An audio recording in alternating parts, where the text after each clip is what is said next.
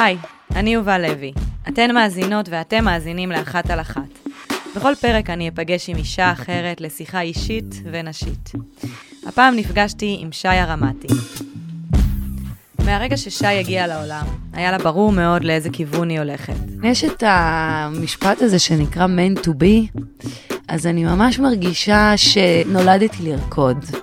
אז היא התחילה לרקוד בגיל ארבע, ומאז היא לא עצרה לרגע. בלי יותר מדי שאלות, התחלתי לרוץ בדרך הזאת. שי חיה חיים מסחררים, תרתי משמע. ולצד האתגרים, היא תמיד הרגישה שזה הדבר הנכון. ולא הקושי, ולא התחרות, ולא הסדר יום העמוס. לרגע לא הרגשתי שאני מפסידה שום דבר, להפך. אבל החיים בקצב המהיר, ולריצה אחרי החלום יש הרבה צדדים. ולא כולם זוהרים במיוחד. הרגשתי שהגוף כבר לא יכול לסחוב על אה, נעורים ואנרגיה ותשוקה. אבל שי, כמו שכבר הבנתם, לא נותנת לשום דבר לעצור אותה. איזשהו יצר הישרדותי ואיזשהו כוח, בין אם זה מהשרירים שטיפחתי מגיל ארבע, או בין אם זה החינוך שקיבלתי. גם לא ברגעים שבהם באמת, אבל באמת קשה.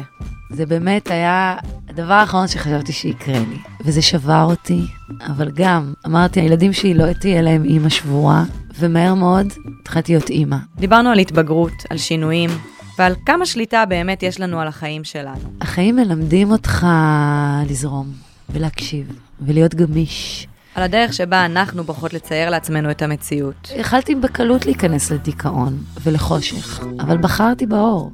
וכן, גם על כמה דברים שרק הזמן והניסיון יכולים ללמד. לא חייבים לרוץ קדימה, אבל לדעת שאתה הולך בדרך שאתה בוחר ללכת בה. זו שיחה עם אישה שרוקדת את החיים שלה, שרוקדת בדרך שבה היא הולכת, בדרך שבה היא מדברת, ואיכשהו לא שוכחת לנשום בדרך. זה פשוט לעשות את זה, אין לך ברירה. אחת על אחת. בואו נתחיל. טוב, שי, אז את uh, היום בעצם מנהלת את האולפן למחול בשער הנגב. נכון. איך מגיעים להיות המנהלת של אולפן למחול בשער הנגב? זה בעצם אה, איזושהי משאלה כנראה לסגור מעגל, כי בעצם המקום הזה שאני מנהלת אותו היום, שם גדלתי. אה, אני בעצם הכרתי את האולפן למחול אה, בהיותי ילדה בת ארבע, שלקחו אותה לחוג בלט, שהיא מאוד מאוד נהנתה מהרגע הראשון, שזה מהר מאוד הפך להיות בית שני שלי. ושם נרקמו כל החלומות שלי כרקדנית, ושם התחילה אה, הדרך שלי. ובעצם אני חוזרת למקום הזה אחרי אה, מסע מאוד מאוד ארוך אה, בעולם המחול. אז אה, זה באמת סגירת מעגל מאוד מאוד מרגשת ומשמעותית עבורי. אז זה קורה כבר שנתיים, אבל בעצם בגיל ארבע הריקוד נכנס לחיים שלך. נכון. ומאותו רגע את אומרת לעצמך, זה מה שאני הולכת לעשות בחיים. נכון. איך ילדה בת ארבע, כל כך ברור לה מה היא רוצה לעשות בחיים? אני חושבת שזה אפילו התחיל יותר מוקדם מגיל ארבע, כי זה כמו ייעוד. את נכנסת למקום ואת מרגישה בו טוב. כל דבר שאומרים לך, נכנס ישר לתוך הגוף. אז מהר מאוד, כל המסביב נתן לי להרגיש שאני במקום הנכון. ובלי יותר מדי שאלות, התחלתי לרוץ בדרך הזאת. זה מהר מאוד מילא לי את כל העולם שלי, ובאמת מגיל ארבע ידעתי מה אני רוצה להיות כשאני אהיה גדולה. ואתה בעצם מנהל חיים מאוד מאוד טוטאליים.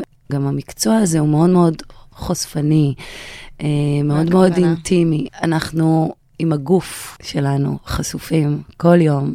אתה צריך um, להוכיח לעצמך ולמי שצופה בך שאתה יכול. אתה נמצא באיזשהו תהליך שאנשים שנמצאים איתי הם שותפים לדבר הזה. במקרה שלי לא הרגשתי שתחרות הייתה שמה, אבל אני מאמינה שאני בן אדם כזה. אני... התחרות פגשה אותי באודישנים, במקומות שדווקא הייתי נפגשת עם אנשים שאני לא מכירה, ויש לי איזושהי מטרה שאני צריכה להשיג אותה, ואם אני צריכה גם טיפה לדחוף מרפקים, אני אעשה את זה. זה עושה לך טוב, התחושה הזאת, או שזה... כן, אני ניזונה מתחרות. אה, אני גם חושבת שזה drive אה, שכל הזמן גורם לך להתקדם קדימה. בואי נתעכב רגע, דיברת על התעסקות עם הגוף. כי בעיניי, כשאתה מתעסק עם הגוף כל הזמן, אז אתה מתעסק עם הגוף כל הזמן, ויש לזה הרבה זוויות. נכון. תראי, אני, למזלי, נכנסתי ל, לעולם של המחול המודרני, שהדימוי גוף שם, אין, אין דימוי ספציפי, אין אה, דרישה, ל, כמו בבלט הקלאסי לצורך העניין, שהגוף צריך להיות מושלם. אני גם, אף פעם לא היה לי גוף מושלם. הייתי תמיד מצ'יסטה כזאת, חזקה, מלאה בשרירים. אני גם באה מבית שהדגש על, על אוכל היה מאוד מאוד חשוב, אז לא היה לי ענייני תזונה, ולא... הייתי רזה מדי או מלאה מדי, תמיד הייתי במקום שהגוף שלי שירת את מה שרציתי. את בעצם בוחרת בגיל מאוד מאוד צעיר, במסלול שהוא לא פשוט. ויש לזה מחיר לבחירה הזאת? בטח. Uh, אני לא חושבת שזה לא פשוט. אני, בשבילי, זה חסך ממני הרבה הרבה שאלות. לעומת חברות שלי, שתמיד חיפשו את עצמם, והלכו לחוג כזה, והלכו לחוג כזה, והיו בתנועות נוער. אני, מהרגע שנכנסתי לאולפן והבנתי לאן אני יכולה להגיע, אז גם הזמן החופשי שלי וגם העניין החברתי, זה לא משהו שהרגשתי שאני מפסידה פה, להפך, אני מרוויחה. אני הייתי מסופקת מהסדר יום שלי, וזה באמת סדר יום מאוד מאוד מאוד קשה לילדה שיוצאת מהבית בשבע וחצי בבוקר וחוזרת בשמונה בערב, אבל אתה לומד לנהל את הזמן שלך. הדברים היו מאוד מאוד מסודרים, היה תמיד סדר. וגם סדר עדיפויות. ותמיד אימא שלי הייתה אומרת, את לא רוצה ללכת רגע לך? לא, אני צריכה לנוח, או יש לי הופעה, או אני רוצה להתאמן בבית. כאילו, הדבר הזה נתן לי המון המון סיפוק. מישהו יכול להגיד, מה מספק? היא חיה חיים בלי ללכת לחברות אחר הצהריים. קשה לי נורא להכניס את זה למילים, אבל, אבל השהייה בסטודיו, להקשיב למוזיקה, להצליח להיות בבלנס, או לעשות אלמנט כזה או אחר, זה סיפוק ענק. זה, זה באמת משהו שנורא נורא קשה להסביר למישהו שהוא לא... אני אולי אוכל להסביר שאני מסתכלת עלייך, מספרת את זה, והעיניים שלך נוצצות בכל כך הרבה תשוקה, שהלוואי שכל אחד מאיתנו היה מתעסק באמת במשהו שהוא מאוהב בו כל כך. כן, יש את המשפט הזה שנקרא man to be. אז אני ממש מרגישה שזה, זה, נולדתי לרקוד. שי, בעצם את רוקדת מאז שאת מכירה את עצמך, במשך שנים. יש רגע שאת עוצרת בו, ואני אשמח שתספרי על הרגע שבו את עוצרת. יש כמה עצירות. היופי בעצירות האלה, שאני לא בחרתי לעצור, והחיים עצרו אותי. העצירה הראשונה, אה, זה באמת הייתה הפציעה שלי, פציעה מאוד מאוד קשה, קראתי את הרצועה בברך, אה, שבעצם הרחיקה אותי מהבמה לשנה. הפציעה הזאת, היא מעבר לזה שהייתי צריכה ללמוד ללכת מחדש, היא הפגישה אותי עם עצמי בצורה מאוד מאוד uh, קשה. כי בעצם ההגדרה שלי, מאז שאני זוכרת עצמי, הייתה רקדנית. ופתאום אומרים לי, רגע, את לא יכולה לרקוד, צריכה לעצור. ובאמת, ברך זה, זה מפרק מאוד מאוד מרכזי. ברפואה הסינית הוא משוייך גם לפחד. זה מתחבר לך שזה מקושר לפחד? כן, כי פחד תמיד מלווה אותנו, פחד מלהיכשל, פחד מלהיפצע. ואצלי כנראה הייתי חייבת להיפצע כדי לבנות את הגוף שלי ואת אורח החיים שלי אחרת. Uh, הרגשתי שהגוף כבר לא יכול לסחוב על uh, נעורים ואנרגיה ותשוקה. הוא צריך להיות מתוחזק גם על ידי תזונה נכונה, uh, נשימה. גם לא הייתי נושמת כמו שצריך. אז השנה הזאת היא הולידה אצלי המון המון מודעות וביטחון. בטח. זה, זה מה שעזר לי להשתקם מאוד מאוד מהר. למרות זאת, שגם לקח לי המון זמן לחזור למה שהייתי. היה לי את העניין הזה, תחזרי למה שהיית, ואפילו יותר. וזה כבר ה... הדרישה העצמית הזאת של רקדן, של אה, שאתה כל הזמן בוחן את עצמך, וכשאתה נפצע, הכלי שלך נפצע, ואתה צריך להרכיב אותו מחדש, ופתאום יש קצב אחר, יש דברים שאתה לא יכול לשלוט בהם. אז באמת למדתי להיות בן אדם סבלני. ולמדתי שאני לא צריכה להיות כל הזמן במאה אחוז שלי כדי לייצר משהו. זה פוגש אותך אה, במקום הזה של השליטה? בטח, אני freak control. פה לא, השליטה לא עזרה לי בשום צורה. אני רוצה להאמין ש, שלכל אחד מאיתנו יש את הרגע הזה בחיים שבודקים אותך. ואצלי זה היה המבחן, המבחן ש... אוקיי, אז מה את עושה עכשיו? איך את קמה מפה? אז באמת אחרי שנה את אה, חוזרת לרקוד. כן. חוזרת לרקוד עם המון המון שמחה והתלהבות, אבל גם עם המון המון אה, שמירה על עצמי. בעצם התמזל מזלי והתגלצתי למספר פרויקטים מאוד מעניינים, אה, ועם זאת גם הדיוק של מה נכון לגוף שלי, מה מותר לי לעשות. גם נהייתי בן אדם הרבה יותר מפוקח, לא לקחתי סיכונים. נשארתי על איזושהי דרך אה, בטוחה. תגידי, אז את באמת אה, חוזרת לרקוד וממשיכה שנים לרקוד בלהקות בהולנד, וחוזרת לארץ, ממשיכה, מצטרפת ללהקה. מתי מגיע השינוי?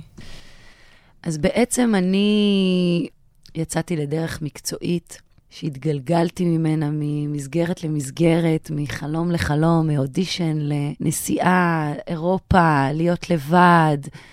באמת, המרוץ הזה התגלגל ו- ו- והצלחתי ככה לקטוף המון המון מתנות על הדרך. וכשהייתי בלהקה של ענבל פינטו ואבשלום פולק, שלוש שנים כרקדנית, שזה באמת להקה מאוד מאוד מיוחדת, שהיינו מסיירים המון המון בחו"ל, ואתה בעצם, החיים שלך בידיים של המקצוע. הרגשתי פתאום שדווקא החיים מחוץ לסטודיו, חסרים לי.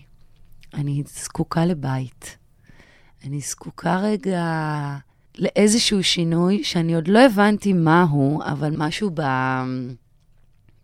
בדבר הזה שאתה משרת מישהו, הגיע לאיזשהו קצה מבחינתי, ולא ידעתי, שוב, להצביע מה זה השינוי הזה, אבל uh, אמרתי, טוב, אולי אני אעזוב את הלהקה ונראה מה יקרה.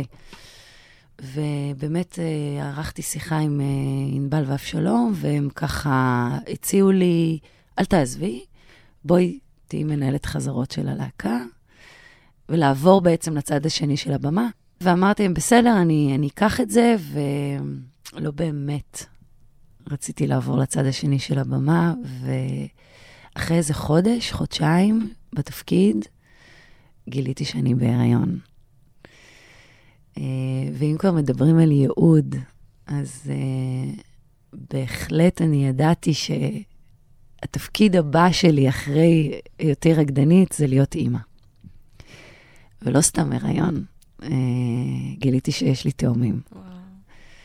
זה באמת היה מאוד מאוד משמח, מאוד מאוד מפחיד. אפרופו גוף, הכלי שלי השתנה לי מול העיניים יום-יום. מהר מאוד עשיתי שינוי. מהר מאוד הבנתי שאני צריכה לשנות את הקצב של החיים שלי, ומהר מאוד הבנתי מה הולך לקרות. הייתי מאושרת, כי באמת הבנתי שזה השלב הבא שלי. אני, אני, אני מוכנה לזה, אני בשלה לזה, וכנראה לא סתם גם קיבלתי שניים במתנה. אה, המשכתי לנהל חזרות, היה לי מאוד מאוד uh, מאתגר. זה היה מאתגר בגלל ההיריון. גם היה לי קשה לא לרקוד. שם גם אתה, בשלב הזה שאתה בהיריון, אתה נפרד מהגוף שלך, בטח שאתה רקדן, שזה היה בשבילי מאוד מאוד קשה, uh, אבל לא הייתה לי ברירה. אבל הקושי הזה של ה... המעבר למאחורי הקלעים, נקרא לזה, הוא קיים גם בהוראה וגם בלנהל את האולפן. נכון, אבל אני עברתי עם זה כמה סבבים, שהיום אני במקום שאני משלימה עם זה. זה, זה לא במקום של חיפוש, זה במקום של יצירה. אני שולטת על זה. אני מבינה את המינונים, אני גם אימא. אז, אז כל התפקידים האלה הם, הם, הם רוקדים אחד עם השני, זה לא בא על חשבון. אז באמת קיבלת מתנה אה, שני בנים. כן, בן ודניאל, דניאל. בן ודניאל. דניאל. כן, תאומים לא זהים, אה, היום הם בני תשע, שיהיו בריאים. אה, אני היום מגדלת את הבנים המופלאים שלי לבד. אבא שלהם לא חי איתנו, וזה בעצם מצב שנוצר די מהר אחרי שהם נולדו, באזור השנה הוא עזב אותנו. ואני בעצם אם יחידנית, אם חד-הורית, אני אימא שלהם. ואנחנו שלישייה מנצחת. זה לא קל, אבל אני גם לא מכירה משהו אחר. אה, ואני יכולה להגיד, אפילו ב... אני חוזרת רגע ללידה, אה, שאתה, יוצאים ממך שני יצורים קטנים. ואני נכנסת לתינוקייה, והאחות שם אומרת, אה, איזה יופי, את האימא של התאומים, בואי, הם בדיוק התעוררו, את רוצה להאכיל אותם? ואני רק מסתכלת עליה בהלם, ואני אומרת לה, תעצרי, אימא, תאומים, להאכיל אותם. כאילו, איך, מאיפה מתחילים? ומהר מאוד, שאני בקושי הולכת, אחרי לידה מטורפת, הכוח הזה של אימהות, יד אחת לוקחת הריסה, יד שנייה לוקחת הריסה שנייה, ואני יוצאת איתם ברכבת מהתינוקייה לחדר הנקה, ואני פשוט מאכילה אותם, ואני פשוט יודעת מה אני צריכה לעשות. ואני, מאותו הרגע התחלתי להתמודד, ומאותו הרגע הבנתי את הקושי. והייתי שם לבד. אבל מה קורה ב... בלבד הזה שנוחת עלייך? הלבד הזה שנחת עליי, אה, הוא היה מאוד מאוד קשה. הוא ריסק אצלי את כל ה... לא האמנתי שזה קורה לי. זה באמת היה הדבר האחרון שחשבתי שיקרה לי. וזה שבר אותי, אבל גם, מהר מאוד, אמרתי, אני, הילדים שלי לא תהיה להם אימא שבורה. הצלחתי להסיט לא רוצה להגיד בקלות, אבל בעזרת ההורים שלי ובעזרת המשפחה שלי, איכשהו הצלחתי להסיט את כל הכאב האדיר הזה והשבר הזה שנוצר לנו בתא המשפחתי החדש הזה, הצידה, ומהר מאוד התחלתי להיות אימא. ואני אהיה אימא שמחה, ואני אהיה אימא חזקה, ואני אהיה אימא שתעשה הכל בשביל שיהיה הכי טוב לילדים שלה, ואיזשהו יצר הישרדותי ואיזשהו כוח, בין אם זה...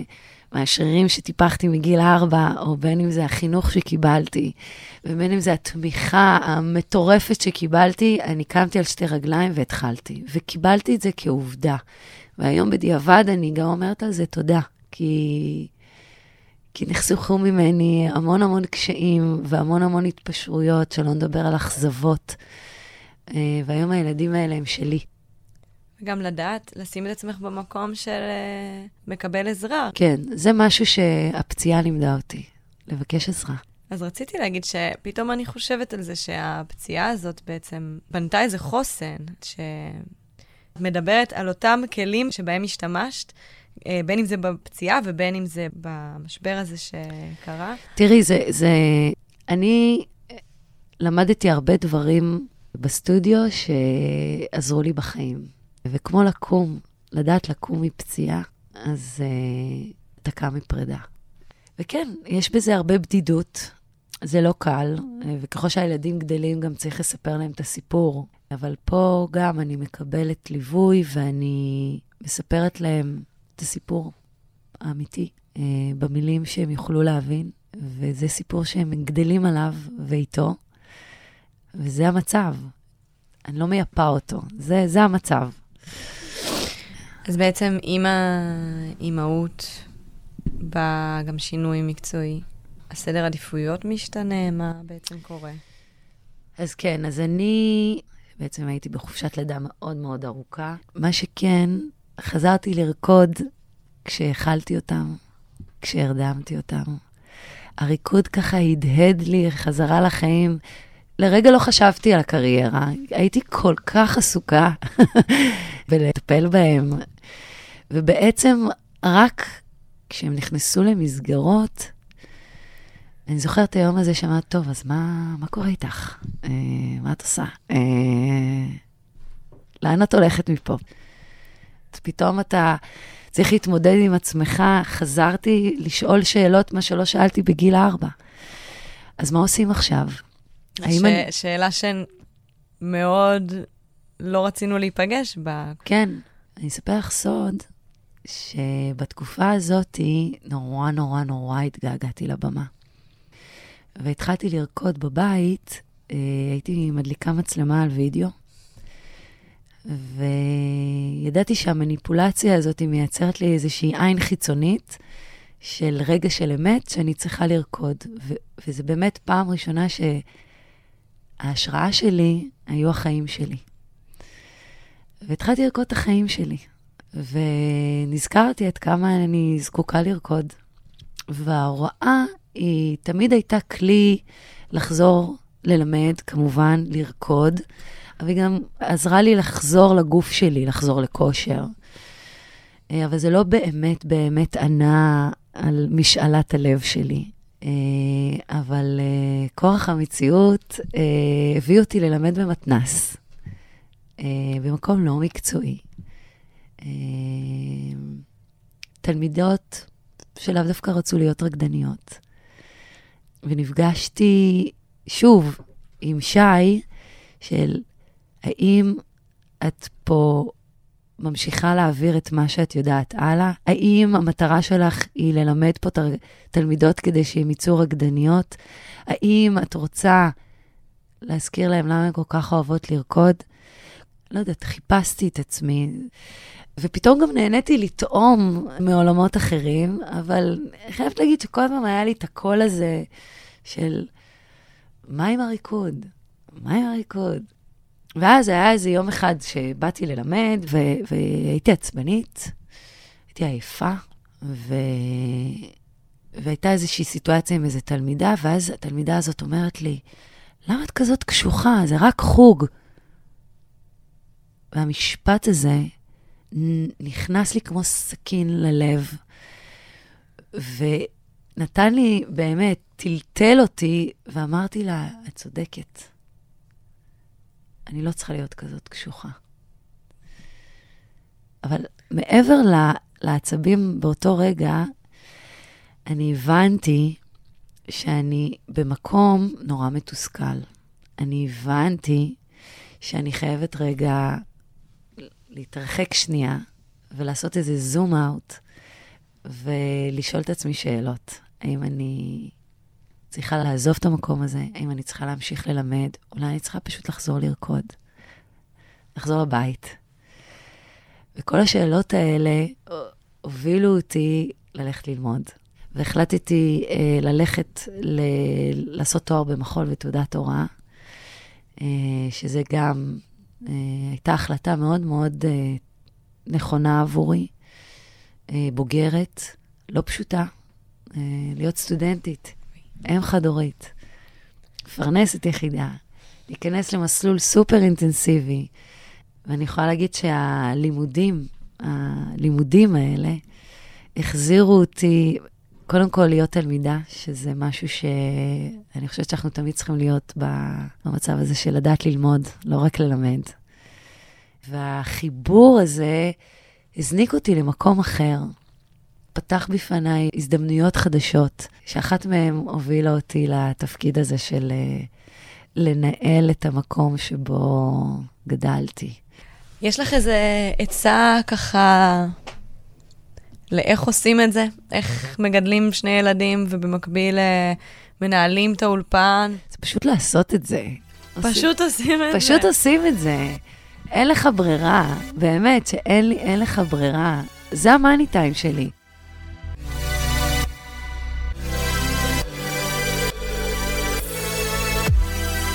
כשישבתי מול שי, הרגשתי איזו התנגשות בין שני קצוות. מצד אחד ישבה מולי אישה מחושבת, שנמצאת בשליטה על כל מה שקורה סביבה. ומצד שני, שי היא פרי ספיריט שזורמת עם כל מה שהיקום מזמן לחייה. ואם יש משהו שנשאר איתי מהמפגש הזה, זה בדיוק זה. זו היכולת לרקוד על שני העולמות, להצליח איכשהו למצוא ביניהם את הבלנס, ובעיקר, לא לשכוח לנשום תוך כדי.